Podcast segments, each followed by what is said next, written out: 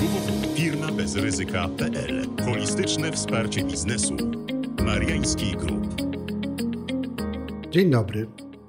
Nazywam się Adam Mariański. Jestem partnerem w kancelarii Mariański Group. Zapraszam na nasz podcast Firma bez ryzyka. Dzisiaj moim gościem jest pani mecenas Anna Dolińska z Departamentu Prawnego naszej kancelarii. Dzień dobry. Dzień dobry.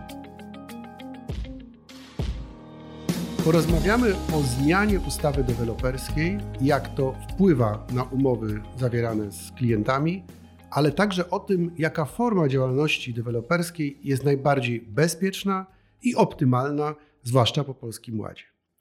Pani mecenas, no wszyscy wiemy o tym, że zmienia się sytuacja rynkowa. Mamy dużą inflację, wzrost cen materiałów budowlanych, podwyżkę stóp procentowych, co wpływa także na udzielanie kredytów hipotecznych. To oznacza również, że ten rynek deweloperski będzie bardziej ryzykowny. No, będą zdarzały się różne sytuacje, zarówno po stronie konsumentów, jak i samych firm, które te mieszkania e, budują, czyli deweloperów. Jak to pani może ocenić pod względem ryzyk związanych z zawieranymi umowami deweloperskimi? Rzeczywiście, mamy do czynienia ze specyficzną sytuacją na rynku nieruchomości. E, aktualnie zainteresowanie nabywaniem nieruchomości jest e, mniejsze i ten spadek rzeczywiście jest już teraz e, zauważalny. Natomiast z perspektywy deweloperów, w związku właśnie z podwyżką cen materiałów, jak i E, kosztów wykonawców.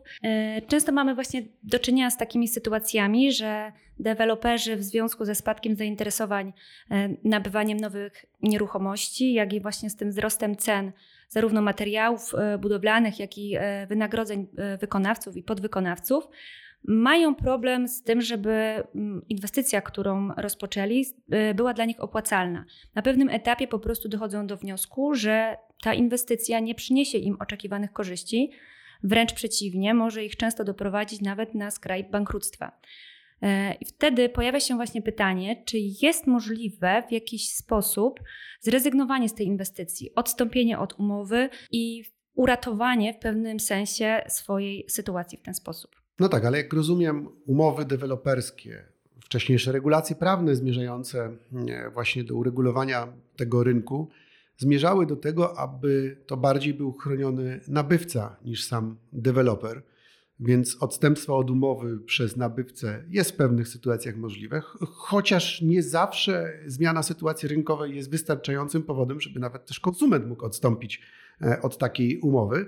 No ale deweloper to już tylko w bardzo mm, wąsko określonych sytuacjach może od takiej umowy deweloperskiej odstąpić, bo to na niego są nakładane głównie obowiązki wynikające z tej umowy. Tak, oczywiście. E, aktualnie obowiązująca ustawa deweloperska rzeczywiście w znaczny sposób ogranicza takie możliwości odstąpienia od umowy przez e, deweloperów, w związku z czym tak naprawdę możliwość odstąpienia od umowy ze względu na to, że inwestycja staje się nieopłacalna, jest praktycznie niemożliwe. Mm, I tutaj mamy teraz do czynienia z taką sytuacją, że pojawia się nowa e, ustawa deweloperska, która mogłaby hipotetycznie takie rozwiązania wprowadzać. No tak, ale rozumiem, że ta ustawa e, także e, wprowadza różne obowiązki dotyczące deweloperów w ogóle wykonania tej umowy. W związku z, i, I także obowiązki płatnicze różnych wpłat dodatkowych. W związku z tym wcale łatwiej deweloperom w świetle nowej ustawy nie będzie. Tak, rzeczywiście. E, ta ustawa e, wprowadza sporą rewolucję w zakresie e, zawierania umów deweloperskich. Między innymi jej zakres zastosowania będzie dużo szerszy niż aktualnie, ponieważ będzie miała również zastosowanie do lokali wybudowanych w ramach danego przedsięwzięcia, takich jak garaże czy komórki lokatorskie, jak również do lokali powstałych w wyniku przebudowy. Mm, będzie również zawierała bardziej rygorystyczne regulacje dotyczące umów rezerwacyjnych, między innymi wprowadza tutaj formę pisemną zastrzeżoną dla takich umów, jak również wysokość opłaty rezerwacyjnej, ponieważ wcześniej było tak, że deweloperzy byli w zasadzie nieograniczeni w tej kwestii. Te opłaty rezerwacyjne często były bardzo e, wygórowane a po wejściu w życie już tej nowej ustawy deweloperskiej ta wysokość opłaty rezerwacyjnej będzie ograniczona do 1%. E, Jak również po stronie deweloperów będą dodatkowe obowiązki związane m.in. z naprawianiem e, ewentualnych wad powstałych e, w nieruchomościach, czy też obowiązek wpłacania kwot na deweloperski fundusz gwarancyjny. A jeszcze tutaj chciałbym wrócić do tego obowiązku zwrotu opłaty rezerwacyjnej, ponieważ w obecnym stanie prawnym brak było mm, bezpośrednich regulacji dotyczących na przykład zwrotu czasami bardzo wysokiej opłaty rezerwacyjnej w sytuacji, gdy E, ten nabywca nie uzyskał pozytywnej decyzji kredytowej, co dzisiaj w obecnej sytuacji będzie coraz częściej miało miejsce, bo wiele osób straciło po prostu zdolność kredytową. Jak to jest w świetle nowej e, ustawy deweloperskiej? E, w tym przypadku ustawodawca wychodzi naprzeciw nabywcom mieszkań w takiej sytuacji, czy w ogóle nieruchomości. W sytuacji, jeżeli taka pozytywna decyzja kredytowa nie zostanie uzyskana, powstaje po stronie dewelopera obowiązek zwrotu tej opłaty, czyli ona jest niższa, ale też zwrot jej jest znacznie łatwiejszy. No i to jest chyba dobra informacja, ale dla nabywców, nie dla deweloperów, którzy nie mają pewności, czy rzeczywiście ten, ta osoba rezerwująca to mieszkanie ostatecznie przystąpi do umowy. E, tutaj także chyba w świetle tej mm, nowej e, ustawy deweloperskiej i istotne jest określenie zakresu informacji zawartych w prospekcie informacyjnym. Tutaj może zacznijmy od tego, że już dzisiaj z tym były duże problemy, ponieważ wielu deweloperów nieprawidłowo określało zakres informacji w tymże prospekcie informacyjnym i potem miało problemy, choćby z Urzędem Ochrony Konkurencji i Konsumentów, który stwierdzał, że konsumenci, czyli nabywcy, zostali wprowadzeni w błąd. To były bardzo różne roszczenia, na przykład takie, że nie poinformowano, że będzie wybudowana droga, mimo że plan zagospodarowania przestrzennego jest e, jawny i każdy może się z tym e, zapoznać. E, jak teraz będzie po zmianie? Co ten prospekt informacyjny będzie musiał zawierać i czy, czy trzeba doręczać ewentualnie nabywcy taki prospekt? Tutaj właśnie w tym zakresie też powstanie mm, duża zmiana. Mm, taki obowiązek przedstawiania prospektu informacyjnego do tej pory istnieje jedynie na żądanie klienta. Od 1 lipca już za każdym razem deweloper będzie miał obowiązek przedkładania tego prospektu wraz z zawieraniem umowy rezerwacyjnej czy też już później deweloperskiej. E, I taki prospekt będzie musiał być rzeczywiście dużo bardziej szczegółowy.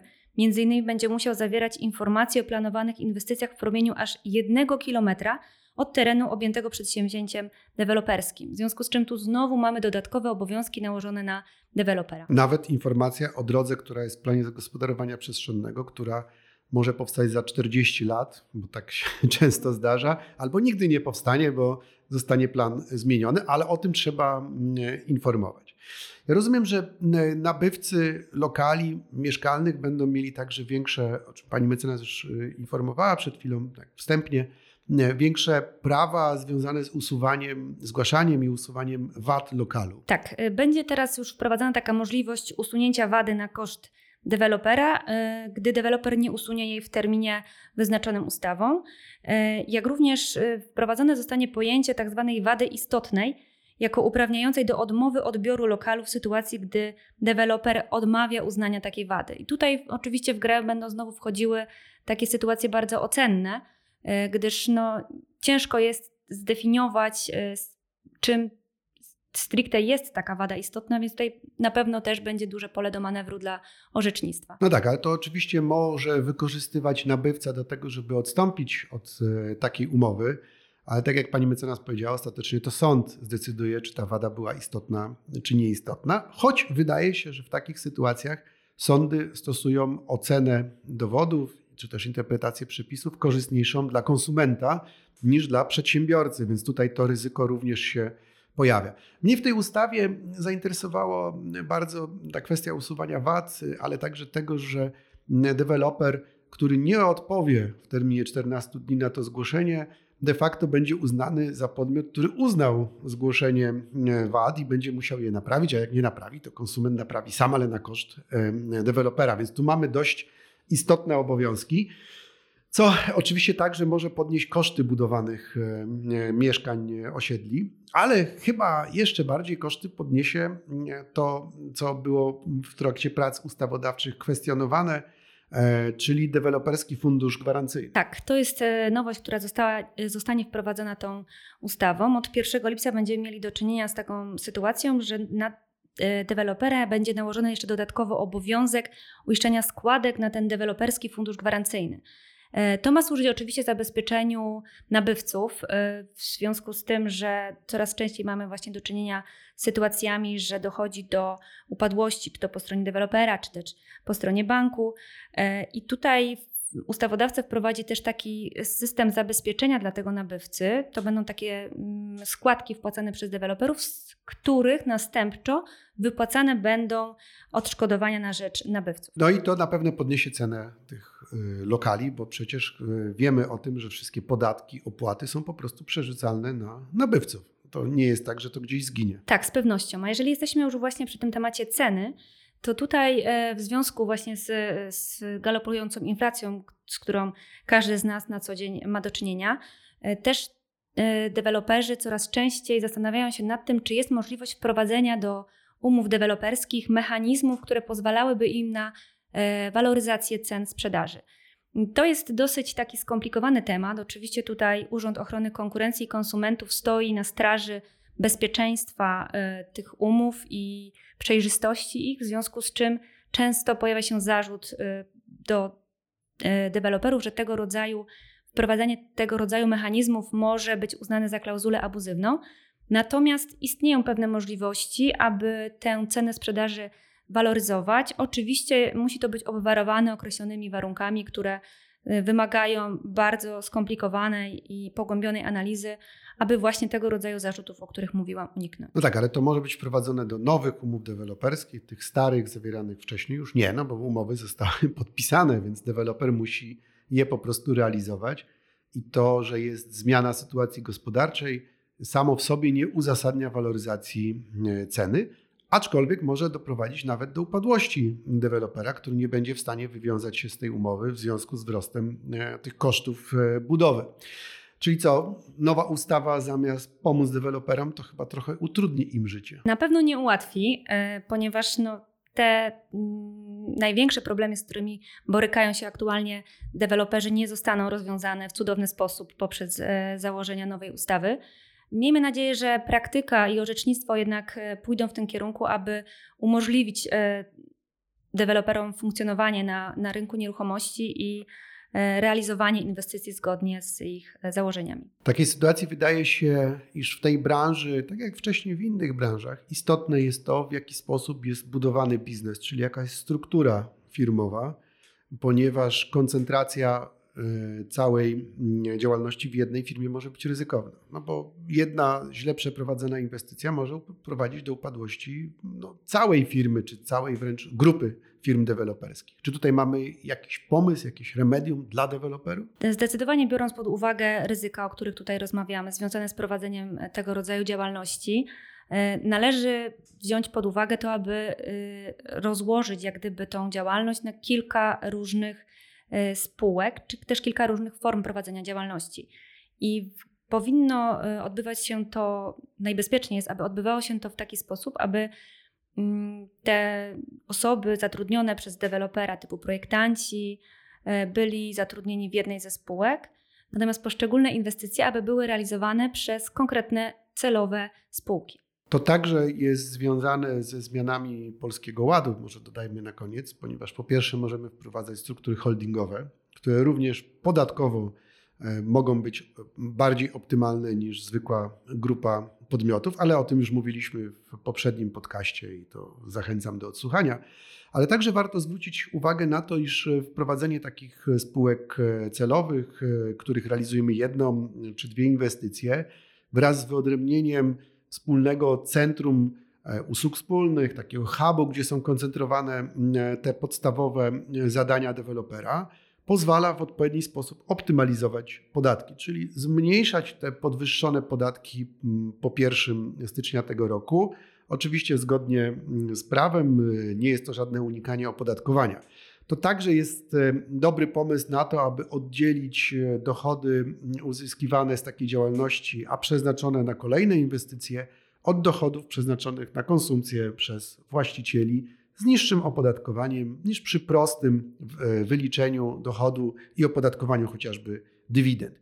Także warto zwrócić na to uwagę, ponieważ w sytuacji zmiany otoczenia ekonomicznego, ale także bardzo dużej zmiany otoczenia prawno-podatkowego. Zmiany struktury firm w tej branży są niezbędne i można znaleźć bezpieczną i optymalną formę działalności gospodarczej, do czego Państwa oczywiście także przy okazji rozmowy dotyczącej samej umowy deweloperskiej zachęcam. Zatem, proszę Państwa, jak widzimy, Problemów jest sporo. One jeszcze się bardziej e, uaktywnią, będą pokazane już w praktyce, kiedy te umowy nowe będą przygotowywane i wdrażane w życie, albo kiedy będziemy mieć do czynienia z pierwszymi sporami, także sporami sądowymi dotyczącymi wykonania umów deweloperskich. Proszę Państwa, dziękuję bardzo za udział w dzisiejszym naszym e, odcinku podcastu Firma bez ryzyka. Przypomnę, że moim gościem była pani mecenas Anna Dolińska z Departamentu Prawnego naszej kancelarii. Dziękuję za rozmowę. Dziękuję również. I do usłyszenia. Do usłyszenia.